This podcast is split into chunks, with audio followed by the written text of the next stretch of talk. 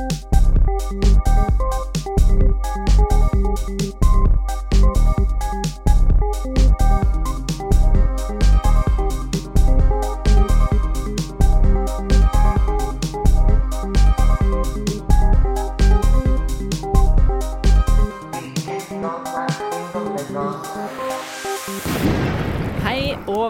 velkommen til Hvilken dag er din dommedag? Med meg, Hege Skarud fra Attack Norge, og Mig, Jonas Algers från Manifest Tankesmie.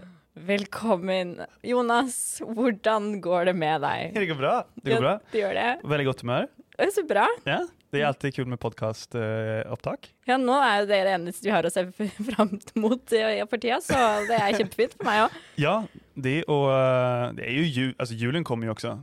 Ja. Det har inte blivit helt inställt. Nei, det er, det er veldig sant. Man får faktisk lov til å være 20 stykker én gang i jula, sier eh, Støre, så det er jo kjempebra. Det är fint. Det er fint. Det kommer man långt med. Det kommer man langt med. Noen andre som det går veldig fint med, det er verdens rikeste.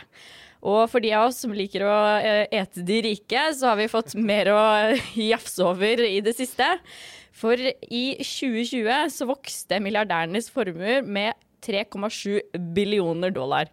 Det är väl alltså 3700 eh, ja, 3700 miljarder dollar. Ja. Ser man, sant? Ja. Det er så penger. penger. Mye Det er mye penger. Eh, og det er altså den skarpeste økninga i milliardærenes velstand som eh, man har eh, sett noen gang siden man begynte å måle dette her, da, ifølge World Inequality Report som kom ut i går. Fett. Og så kan man jo si at samtidig eh, som disse har tjent seg enda rikere enn det de noen gang har vært, så har jo 100 millioner mennesker blitt kasta ut i ekstrem fattigdom pga. covid-19. Det är ett fint eh, ekonomiskt system vi lever i. Det er det. Um, og det som er enda mer spennende, da, som kommer ut av den rapporten her, som når jeg leste tenkte jeg veldig mye på deg, Jonas, er at selv om nasjoner blir rikere som en helhet, så blir statene fattigere. Og det er fordi altså denne pengevelstanden, den ligger i private hender. Exakt. Så vi har noe å jobbe med der når vi skal drive og jobbe liksom for statlig planlegging og finansiering av eh, det grønne skiftet. Ja, eller hur? Alltså, det visar ju på att en större andel av världens tillgångar, eh, världens eh, förmögenheter, möjligheten att påverka vår ekonomi och samhälle blir allt mer privatiserat. Då. Ja. Allt mer utanför det demokratiskt inflytande. Demokratiskt inflytande. Ja. Og det her er jo knytta til dommedag, fordi nå har de rikeste enda mer penger, og jetfly og privatfly seg rundt om i verden, eller romkappløpe seg ute i rommet. Eh, og Oxfam sa jo da det var eh, COP26 at eh, de tror, eh, eller estimerer, at eh, verdens rikeste 1% kommer innen 2030 til å stå for 16 av verdens samla utslipp alene. Fett. Det, de, eh, de, frågan är om det är vi som spiser de rike för de spiser oss. Det er bare å gå jula inn, gjøre som favorittbandet Sliten Eliten sier, ta ei gaffel og et deg rike.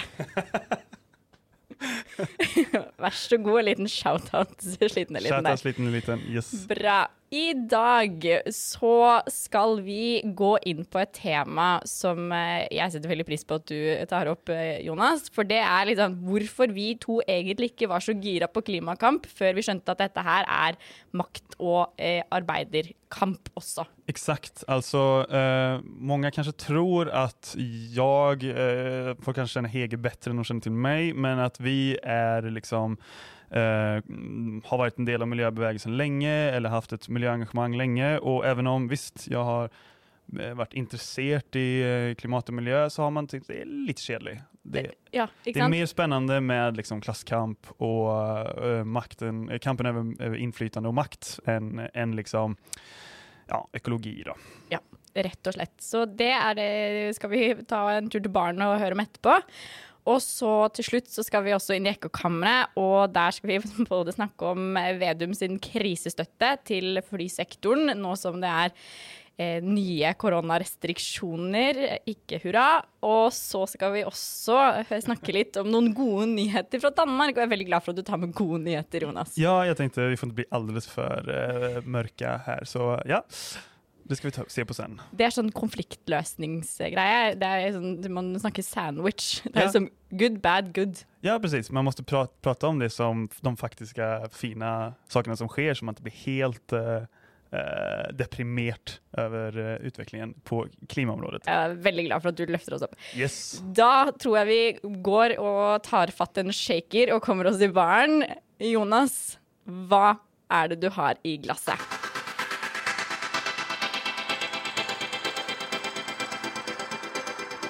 Jo, vad har jag i glasset? Jag har varför omställningen behöver socialistiska perspektiv. Eh, orsaken till att jag tar upp detta det är för att jag egentligen var på, på julebord eh, förra veckan, tror jag det var, och med manifest. Och eh, vi, vi eh, eh, eh, Eirin Helgesen från Socialistisk ungdom som har jobbat en del hos oss på manifest, hon var med på det julbordet. Då.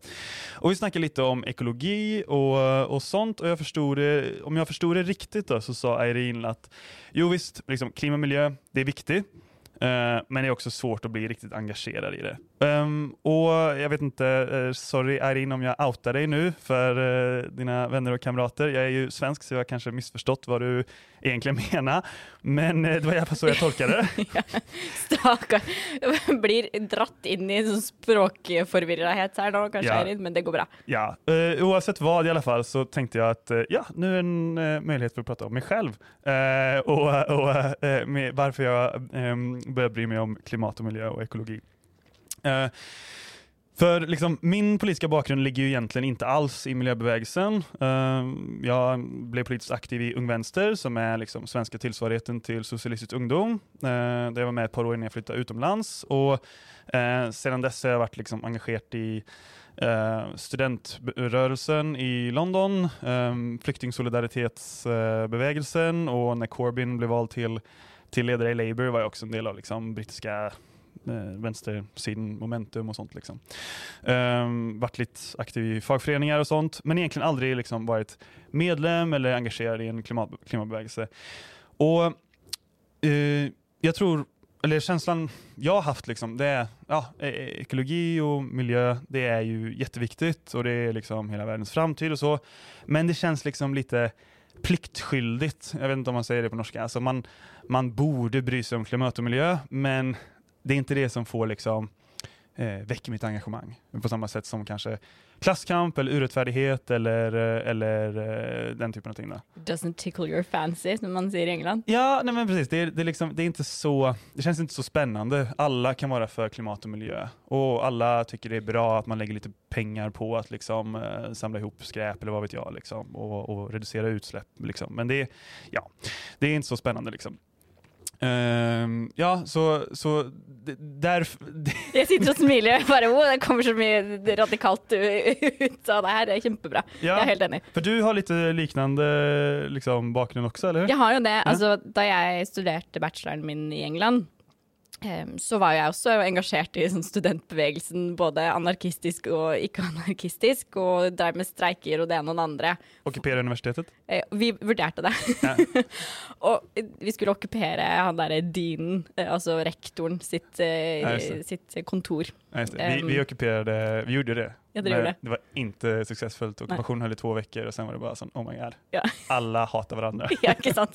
Det var litt det jeg skjønte, så jeg smøg meg litt ut bak døra og var bare sånn You do you! Og så går jeg og tar meg en øl et annet sted isteden.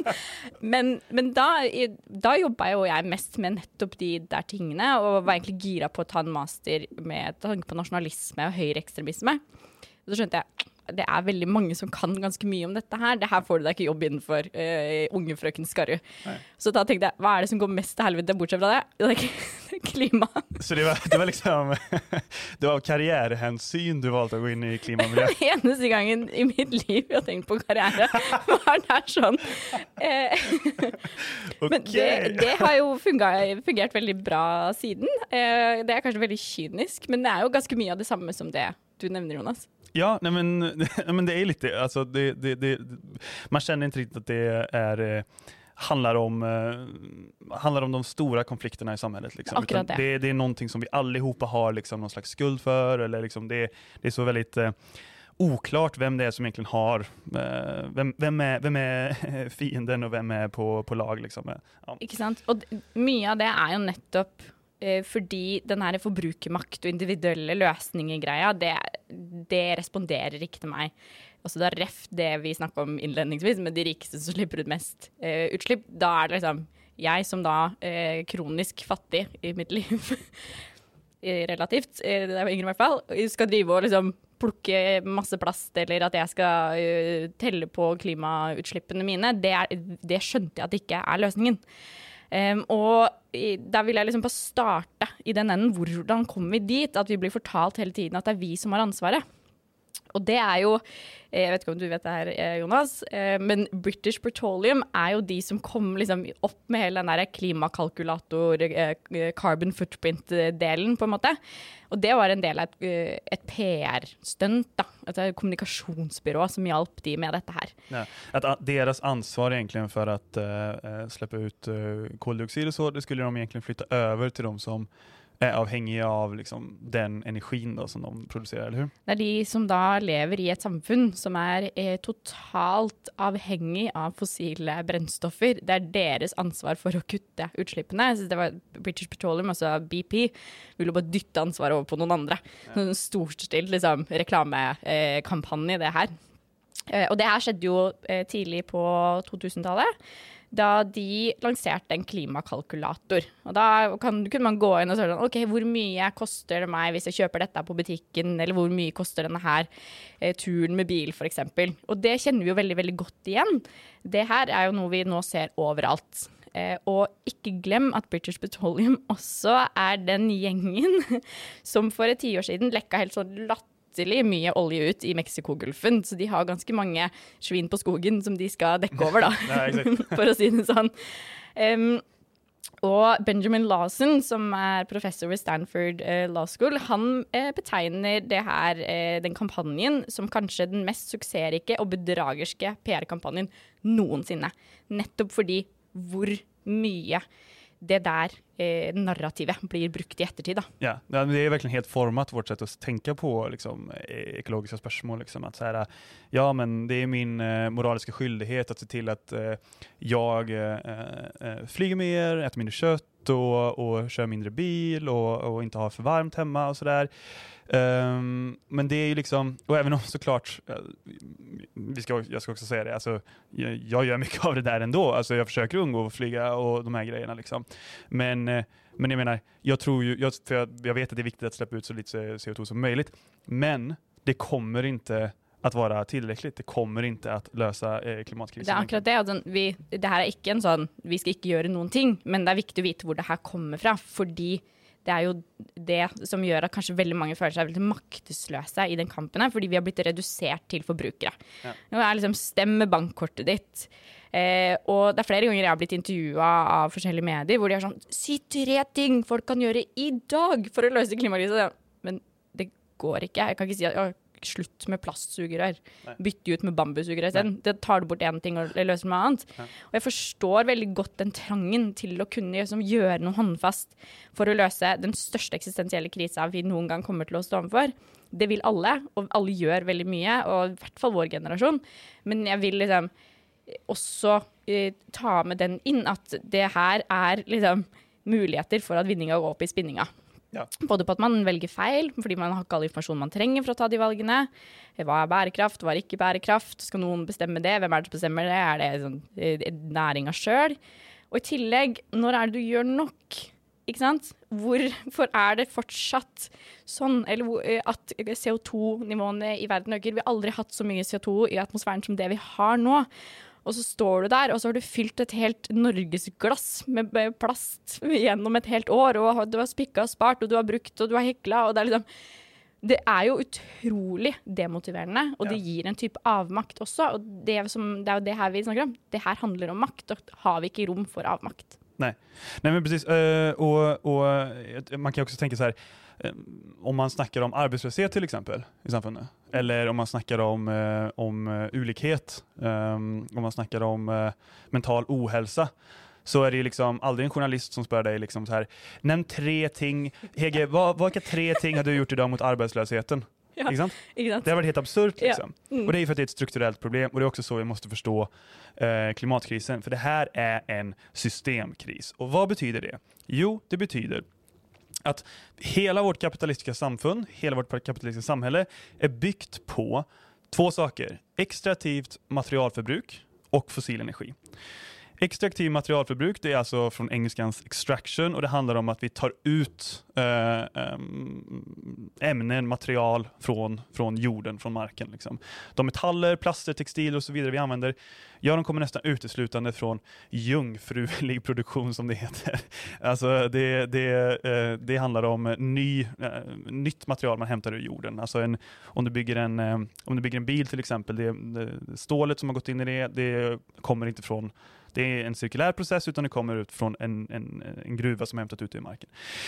Eh, och det lägger ju otrolig press på ekologi, både via att hämta ut materialen ur naturen via eh, gruvdrift, skogsbruk och, och allt det där. Och det handlar också om att vi skapar massa, massa material som då eh, antingen bränns och bildar CO2 eller slängs och blir liksom landfills någon annanstans. Då.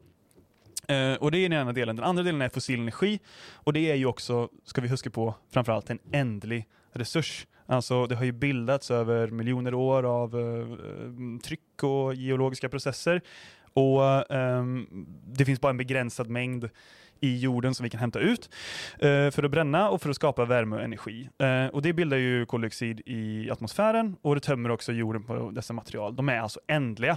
Och nu är det ju i och för sig då atmosfären som sätter begränsning för hur mycket fossil energi vi kan ta ut och bränna. Men principen är densamma.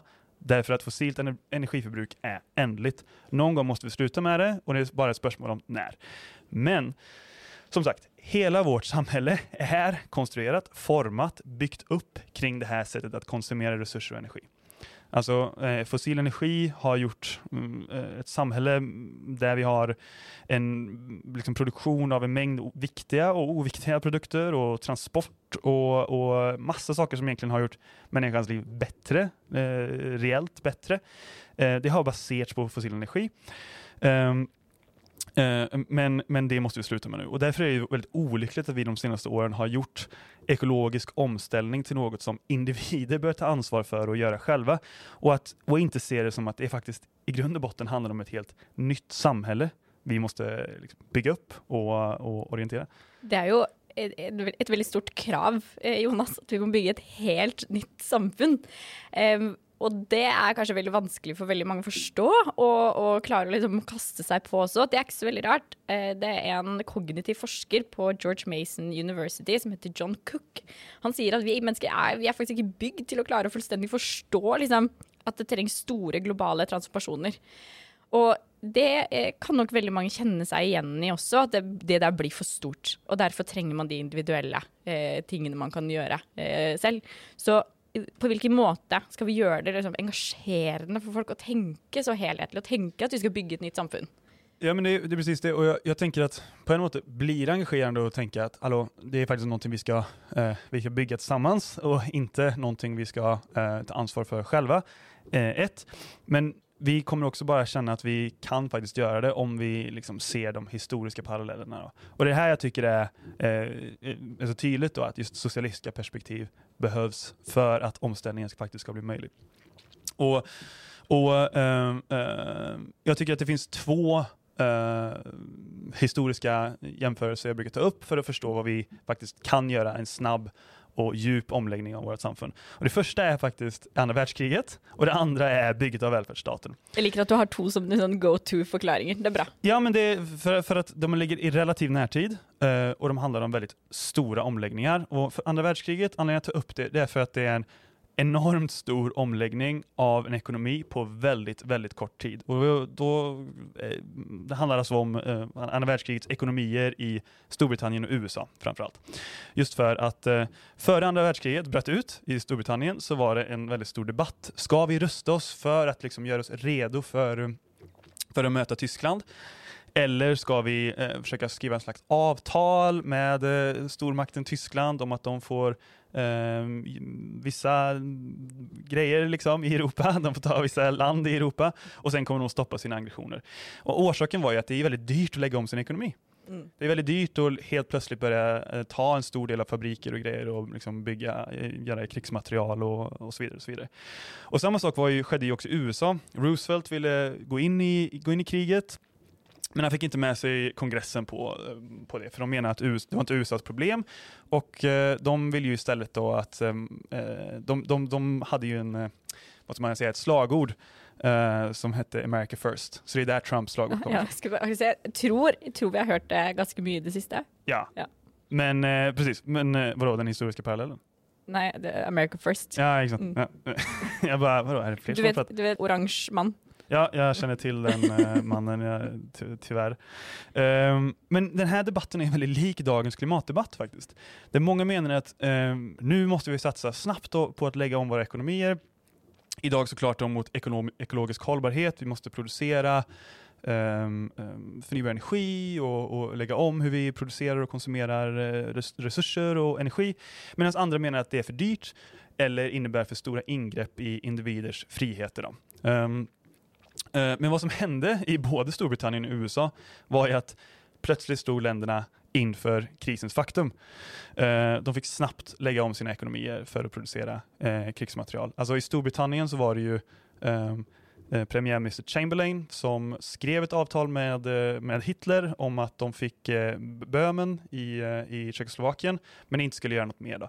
Och sen när de invaderade Polen så visade det sig att han hade haft fel hela tiden. Mm. Och jag tänker, eh, om vi tänjer lite då på metaforerna här så tänker jag att det är faktiskt likt vad vi försöker göra med de internationella klimatavtalen. För vi försöker få stormakterna att skriva under på avtal som går emot deras ekonomiska intressen. Och säger att ni får utsläppa, släppa ut lite, men sen kan vi väl allihopa bara ha världsfred. Eller hur? Mm. Så man kan så det finns en viss eh, likhet där, då, eh, men det finns också många olikheter. Men ändå, det, det ja, ett sätt att tänka på det. Ja, sant? Fordi det var det jeg tenkte eh, da du to begynte snakke om jeg sånn, Ah, men krig er jo det, det, det er, Ja, det er jo en krise, det også, men det er jo noe helt annet enn den miljøkrisa som vi, vi står i. Em, og da, den forskjellen der er jo ganske stor.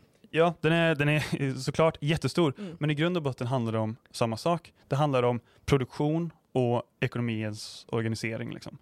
Um, för, uh, uh, och det, det, det är där uh, jämförelsen finns. Det är många nu som pekar på att krigsekonomier faktiskt är en modell att se på för att få en grön ekonomi. Just för att det är så stora ändringar. Alltså, det är just det det handlar om. Vi måste göra någonting annat på andra sätt för andra orsaker än vad vi tidigare har gjort och vi måste göra det snabbt.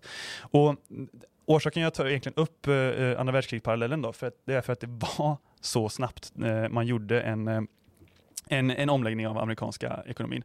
I USA investerades enorma summa pengar på att bygga material och man förbjöd också produktion av produkter som kunde undvaras. Det blev olagligt att producera bilar för civil produktion till exempel, för att fabrikerna skulle användas till att bygga krigsmaterial. Eh, och man gick in och planerade eh, väldigt mycket ehm, eh, i ekonomin. Man lade väldigt stora begränsningar på, på vilka produkter som kunde konsumeras. Man uppmanade folk att eh, ha sina egna gårdar för att producera mat, för att minska eh, trycket på på produktion av mat och så vidare. Och så vidare. Och det, det var ju det som lyckades. Mm. Eh, det var det som ledde till framgång. Alltså våren 1940 då, så hade USA 2665 flygplan och Tyskland hade 25 000. Men eh, innan 1946, alltså bara fem år senare, så hade USA producerat nästan 300 000 flygplan. Och nu är det ju inte precis eh, flygplan vi behöver mer av för att lösa den ekologiska krisen. Men det är ganska många solpaneler, det är ganska många ehm, eh, vindkraftverk, det är ganska många ehm, eh, olika el, eh, elektrifiering av samhället, vi måste isolera våra, våra hus och så vidare. Och det visar ju på att man faktiskt kunde lägga om sin ekonomi otroligt snabbt eh, när, när det behövdes. Då. Um, så, och, USA, och, och en del av detta är ju att USA producerade ju heller inte bara för sig själv. Uh, Roosevelt satte ner ett program som kallades för Lend-Lease, och det har vi snackat om förut, men jag tänker ändå det är bra, bra referens. För USA byggde material som eh, Storbritannien och Sovjetunionen kunde låna pengar till för att köpa Eh, av USA. Så ehm, eh, det var en professor, Nicholas Mulder vid Cornell University, som skrev om att det kunde vara en modell för att finansiera omställningen i fattiga land. Att eh, eh, land som inte har egen produktion av den här typen av teknologi, de kan få väldigt billiga lån eller få pengar till att köpa eh, eh, den teknologin som de behöver och så såklart liksom med en transferering av information och kunskap så de kan göra det själva i framtiden för att liksom deras ekonomier då ska snabbt kunna ställas om. Så det, så det, är, eh, det är ena eh, perspektivet. Jeg satt akkurat og leste i, tidligere i dag akkurat den nye EFTA-Indonesia-avtalen som Norge er med i. Mm. Om, det, for, om det er liksom overføring av kunnskap og teknologi og de tingene når man inngår sånn at det er veldig viktig premiss, og så er det noen ganger så har man droppa de, og hvor viktig det er da for å bygge opp et helt nytt samfunn. Og det er akkurat det at i krig så går man jo Det er litt som med koronakrisa nå. Man går inn i noe, man Exakt. omstiller seg fort, men man vil jo veldig gjerne tilbake til normalen. Ja. Men det som vi skal nå i denne økologiske omstillingen, er jo nettopp å skape noe helt nytt på lang sikt. Vi skal aldri tilbake til dette. Precis. Och där kommer väl kanske välfärdsstaten in? Ja, precis. Exakt. Mm. Det, det tar mig till andra exempel. Då. Det är just bygget av välfärdsstaten som också skedde i väldigt eh, ny tid och framförallt efter andra världskriget. Då. Uh, och, och um, det handlar egentligen, bygget av välfärdsstaten handlar om ett långsiktigt bygge av ett helt nytt samhälle för att uppnå vissa sociala mål som handlar om tillgång till hälsa, som handlar om tillgång till ut, utbildning, till uh, elektricitet, offentlig transport och så vidare. Uh, och när du tänker på det så är det egentligen ganska fantastiskt liksom att i ett land som Norge eller andra eh, välfärdsstater, så, så i de mest avlägsna platserna av landet så har folk tillgång till skola, man har tillgång till sjukvård och vi ser att det är ett samhällsansvar. Liksom. Att, eh, att det finns en gemensamt ansvar för att vi allihopa i samhället har tillgång till vissa saker vi anser vara rättigheter. Eh, men det kräver ju också ganska mycket av eh, resurser och planläggning och investeringar för att upprätthålla ett sånt, ett sånt samhälle. Liksom. Eh, så därför är ju liksom bygget av välfärdsstaten, eh, menar jag, liknar väldigt mycket ett bygget av ett grönt samhälle, just för att man såg, okej okay, det finns fattigdom i vårt samhälle, det ska vi utrota. Det finns analfabetism, det ska vi utrota. Ehm, det finns massa andra olika ehm, ehm, bristande tillgång till, eh, till ja, mm, sanitet och elektricitet och så vidare. Det ska vi utrota. Och så är det bara. Och det är ju, och det, där, där har ju det tycker jag också är en modell på hur man långsiktigt skulle kunna bygga ett grönt samhälle som ger eh, som handlar om att göra alla de här sakerna fast med tillgång till förnybar energi och cirkulära processer och sätta begränsningar för vad vi tycker är en rimlig påverkan på naturen. Då. Mm. Och så handlar det också om att klara att hålla på den på lång sikt. Man ja. kan ställa sig några frågor med hva er det egentlig som har skjedd med velferdsstaten i det siste? Exakt. Ja. Så, så, og der er det jo eh, mye håp for forbedring, så lenge man klarer å ta med maktanalysen inn, tenker ja, jeg. Ja, exakt. Och, och det är därför jag tänker, om man ser på de här två sakerna så eh, blir det ganska tydligt då varför, varför eh, just socialistiska perspektiv eh, och socialister specifikt behövs för, eh, för att liksom leda den gröna omställningen. Och det är egentligen fyra grunder. Alltså. Det handlar om, man har rotat i arbetarrörelsen, med fokus på social rättvisa. Eh, man eh, vågar eh, rikta produktion för att uppnå sociala mål och inte bara profit. Och man har en tradition av fokus på internationell solidaritet. Nu ger du de, nu sa jag tre i stad, men de fyra liksom Hur ändrar världen idag? ja, eller hur? Ja. ja, men det är, de här, det är de här fyra grejerna som, som är en del av, som, som är grundläggande pelare i socialistisk eh, ideologi och som behövs i, eh, i, eh, för, att, för att klara övergången till ett eh, hållbart samhälle. Och ett då, så handlar det om att socialistiska rörelsen den är rotad i arbeiderbevägelsen. för precis som välfärdsstaten och den snabba omlä ekonomiska omläggningen under kriget så är det ju arbetarrörelsen som kommer bygga det gröna samhället. Alltså all förnybar energi, alla energieffektiviseringar och isolering av hem all ny teknologi och infrastruktur, det ska ju byggas av någon. Alltså, eh, och det är ju arbetarklassen. Eh, socialismens rötter i arbetarklassen gör att socialistiska perspektiv kommer vara avgörande vid eh, en omställning. Fokus på arbetets roll i ett samhälle. Q international. Ja, eller hur? Två då. Eh, eh, social rättvisa. Ehm, social rättvisa och fördelning, det är ju såklart också en pelare i socialismen. Ehm, och när ett grö nytt grönt samhälle ska byggas så måste ju de perspektiven in i allt. Både för att eh, det är ett sådant samhälle som vi har haft hittills. Eh, vi kommer inte acceptera att eh, samhället blir mer ojämlikhet. Alltså för politiskt bärkraftigt, för en politiskt bärkraftig omställning så måste den vara också rättfärdig.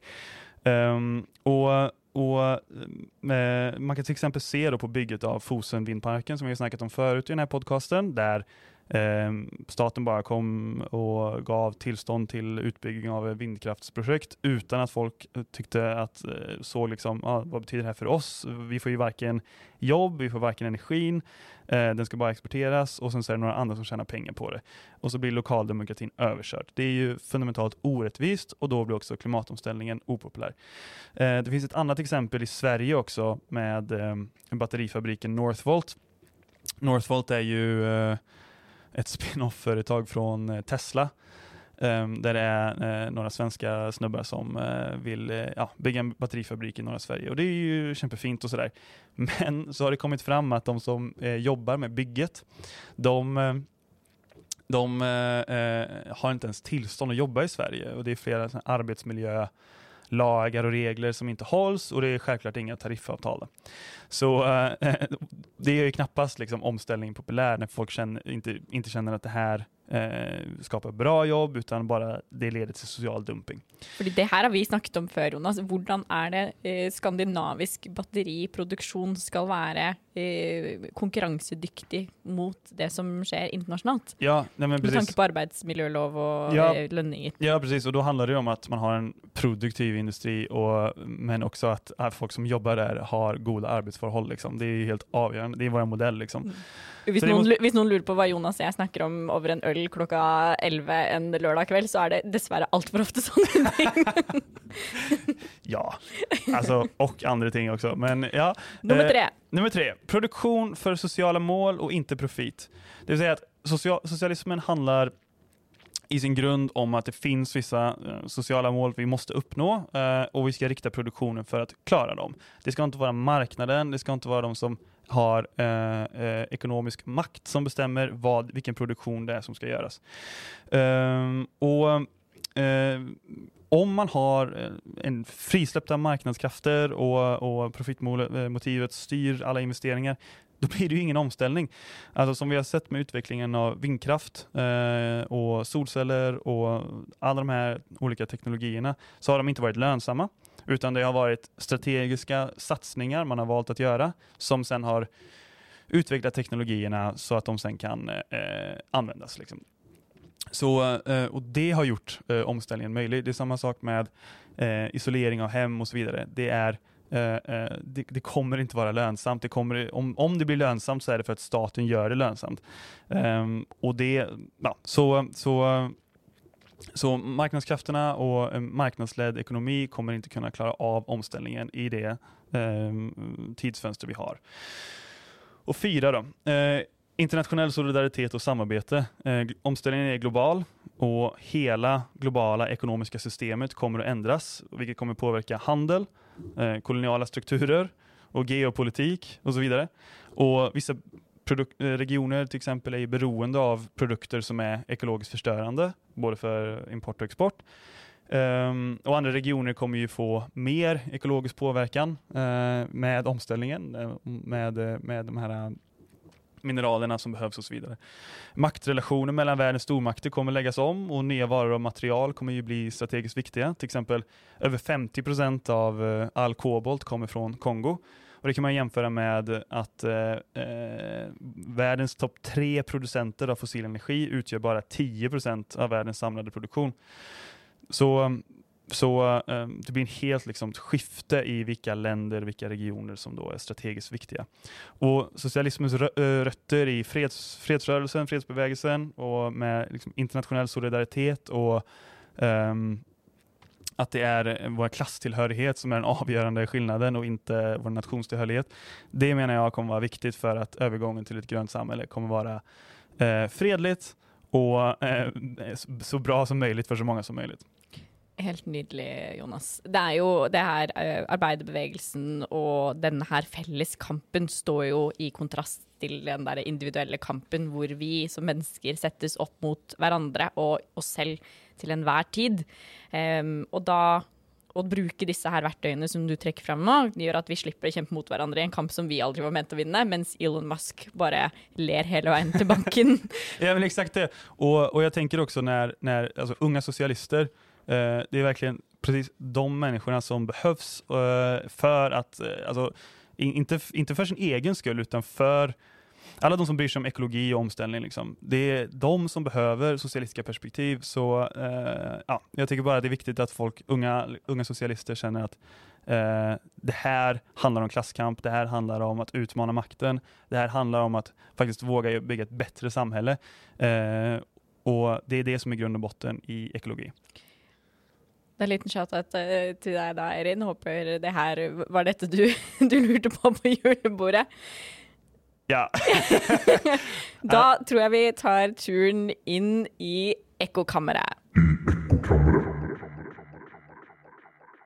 Denne uka så har vi gått inn i enda flere nye strenge koronarestriksjoner, og det er kjipt. Vi trodde at vi skulle leve i 2021, og nå må vi bare overleve langt ut i 2022, ser det ut til. Ja, det er så jævla slitsomt, altså. Men det går fint. Vi inviterer til dansegulv i 2023. Ja. Vi gleder oss til 2023. Ja, gjør det. Du, eh, jeg tenkte jeg skulle bare si litt om eh, godeste Trygve. Eh, vår kjære finansminister. Vi har jo fått noen krisepakketiltak, og det er kjempebra. Det er viktig at man får det på plass når kultursektor og det ene og det andre må bare nok en gang begynne å stenge ned. Ja. Og jeg, Trygve tror han redder verden ved å fjerne flyseteavgifta. og jeg blir så irritert, og det blir også folk på Twitter. Ja, For det er bare sånn åh. Ja, alltså jag såg det och jag bara tänkte så här, ja, ta, ta bort eh, flygsäteavgiften, grejt. Och sen så bara, men vänta lite, vad fan, poängen är väl att folk inte ska flyga? Eller just alltså av, av pandemiskäl liksom? Ja. Det, for jeg, jeg, hadde akkurat samme reaksjon. Eh, for jeg satt og holdt på med noe annet mens jeg hørte på alle de tiltakene. Så var det flyseteavgift. Og så bare Hæ? og det er bare sånn, ok, La oss legge til rette for at folk som har såpass gode jobber, eller eh, kan bare fly rundt sånn som de vil. Og det her er ikke det at jeg mener det er viktig at folk kan dra hjem fra Oslo til Tromsø, som har lav inntekt eller studenter och så vidare till jul. Absolut.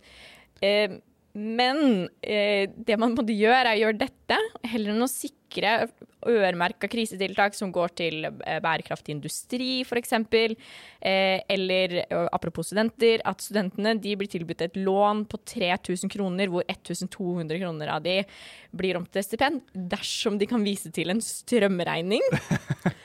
Det er mange caveats der. Liksom. Og dette her var Arbeiderpartiet sterkt imot ja. eh, i 2020, hvor de var sånn Nei, vi skal ikke gi lån til studenter. Bla bla. Nei, nei. Vær så god. Kjempefint. Tusen takk. hjertelig takk for den. Likevel. Men det er også så jævla interessant, altså, for man bare sier OK, nå skal vi stenge ned samfunnet. Vi skal uh, uh, se til at vi har mindre kontakt med hverandre for, av pandemiskäl. Og så skal vi legge litt rabatt så du kan flyge litt ekstra. Man bare Vent, hva? Altså, så står Ruter her i Oslo og roper etter hjelp fordi ja, kollektivtilbudet skranter. Ja, exakt. Og man, om man var orolig for flyselskapen, da, altså uansett om liksom klimaeffekterna og de, de ansatte der, da kunne man jo sagt sånn, ok, vi gir en liksom, uh, vet det, uh, støtte til selskapet direkte, eller lønnpåslag, eller whatever. liksom. Men, uh, men det her rikter seg til flyg mer, ja. konsumenter. liksom. Ja. Helt ja. sinnssykt. Den, apropos den individualiseringen og tiltaket ja, osv. Ja. Jonas, hva har du med deg? Jo, jeg har med meg eh, litt fine nyheter fra Danmark for å pigge opp eh, nördar som oss. Eh, yes, I kommende budget överenskommer mellom socialdemokratiska regeringen og deres støttepartier, bland annat Enhetslisten, shoutout, eh, er, i, den sats, i, den budgeten Det er veldig en, fint å dyre en shout-out til enhetslisten, fordi det at jeg er venn med deg, gjør at flere av disse enhetslistefolka begynner å følge meg på Twitter. Jajamän, jeg, jeg gillar enhetslisten. Det er bra folk. Jeg, jag är också medlem i enhetslisten. Ja, men eh, eh, jag är tvungen till att säga det. nej, Får men, vi sponsra din nå? Ja, förra gången. Ja. Bli medlem i enhetslisten om du är med i, bor i Danmark. I alla fall, ehm, eh, och de har eh, gjort en stor grön satsning. Då. Man har beslutat inte bara att bygga ytterligare 2 gigawatt havvind innan 2031. Man har också beslutat om två nya marina naturområden. Um, och eh, 2 gigawatt då, det motsvarar ungefär en miljon danska hushåll, eh, deras elströmkonsumtion. Eh, eh Så det är ganska stora satsningar och det visar också på, tycker jag, vilket är nydlig, det är att man kan både satsa på eh, vindkraft och på, på eh, eh, natur och miljö. Eh, men då är frågan då, eh, är inte det här bara subventioner till eh, till stora företag? Ja, alltså den här satsningen kommer på bakgrund av att man nyligen lyste ut ett fält som heter Tor på danska västkusten. och man fick flera bud då, utan subventioner. Det blir, man har ett auktionssystem då, där de olika aktörerna ger bud på eh, den lägsta subventionen möjlig. subventioner ja, är subvention, subsidier, inte sant? Subsidier, ja. yes, mm. yes, yes. Eh, den, den lavaste subsidien. Mm. Konkret. Ja, tack. Och, eh, och äh, det var flera sällskap som, som gav bud om den, den lavaste möjlig, alltså det vill säga inga subventioner.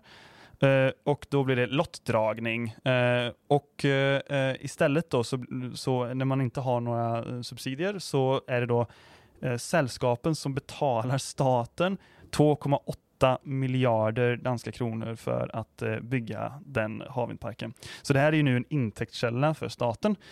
Och istället då ska man börja se på lite nya modeller om hur man kan lysa ut um, eh, havvindparker som tar mer breda hänsyn om till exempel hur många arbetsplatser skapar det, hur många investeringar skapar det i eh, Danmark och så vidare.